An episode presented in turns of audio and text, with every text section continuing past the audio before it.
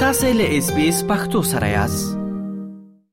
په استرالیا کې د کاروبار پیلول ډېرې ګټې لري استرالیا د قوي زیربنا یو ماهر کاري ځواک او حکومتي نوښتونو لاره د نوښت او تشبث ملاتړ کوي چې د وړیا مرستې تمویل او مالیه هڅونې سره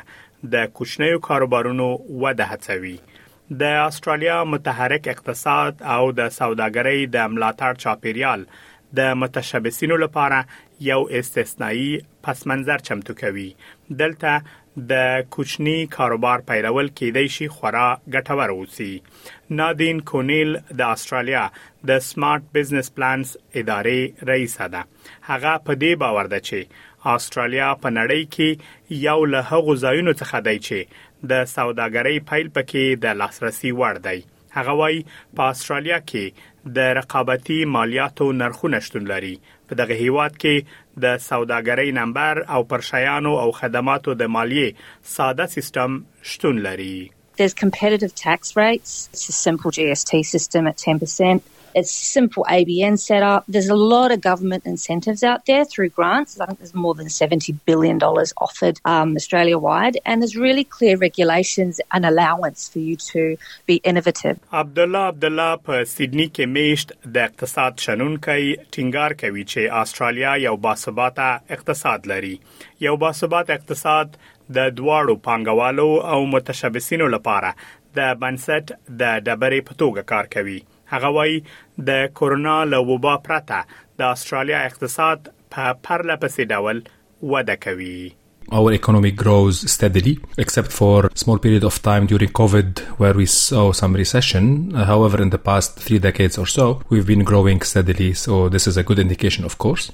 ښاغلی عبدالله زیاتوي چې استرالیا د کاروبارونو د مالکینو لپاره هم یو ښه قانوني چوکاټ برابروي هغه وایي دلته د شرکتونو پانګوالو او متشبثینو لپاره ښه محافظت شتون لري There is a good protection for companies, for investors, for entrepreneurs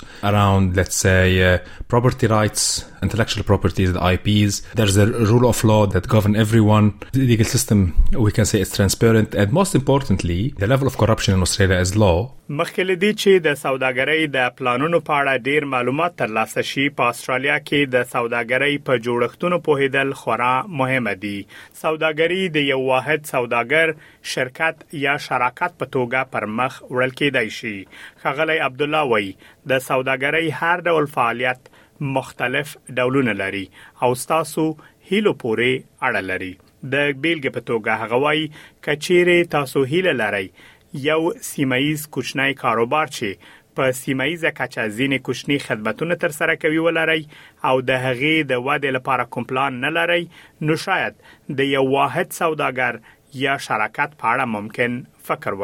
if my aspirations is to be like local small business doing some small services regionally let's say or um, in my suburbs i don't have a plan to grow it then maybe i would consider having a sole trader or a partnership but if my aspiration is to grow the company as a brand itself to create a value in this brand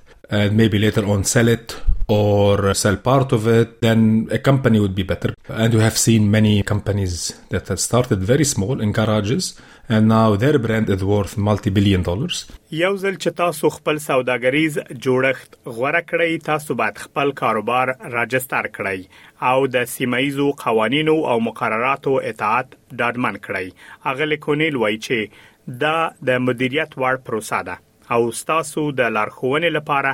ډېرې سرچینې شتون لري، ډېری یې هغه معلومات چې د یو واحد سوداګر په توګه راجستر کولو او د اسټرالیا سوداګرۍ شمېرې یا ABN ترلاسه کولو لپاره اړین دي، تاسو کولای شئ هغه د حکومت پر ویبپاڼه پیدا کړئ. هغه وايي، تاسو کولای شئ دغه کار ډېر ژر ترسره کړئ.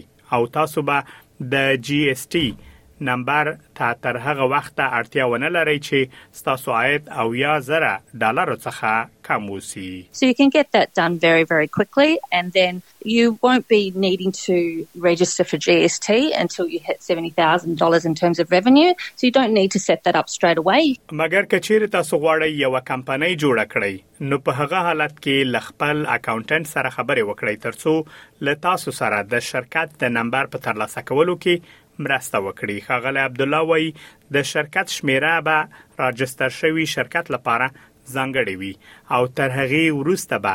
د مالیې موضوع ته پاملرنه وکړئ د مالیې لپاره باید جلا نمبر راجستر شي So it's like a number that would be unique for this particular business or company. This is from, from registration as legalities. Then we have to take tax and considerations. For companies, we have to register a separate tax file number. Remember, for sole traders, the business is linked to their own tax file number. There's no differentiation. But for companies, companies have to have their own TFN.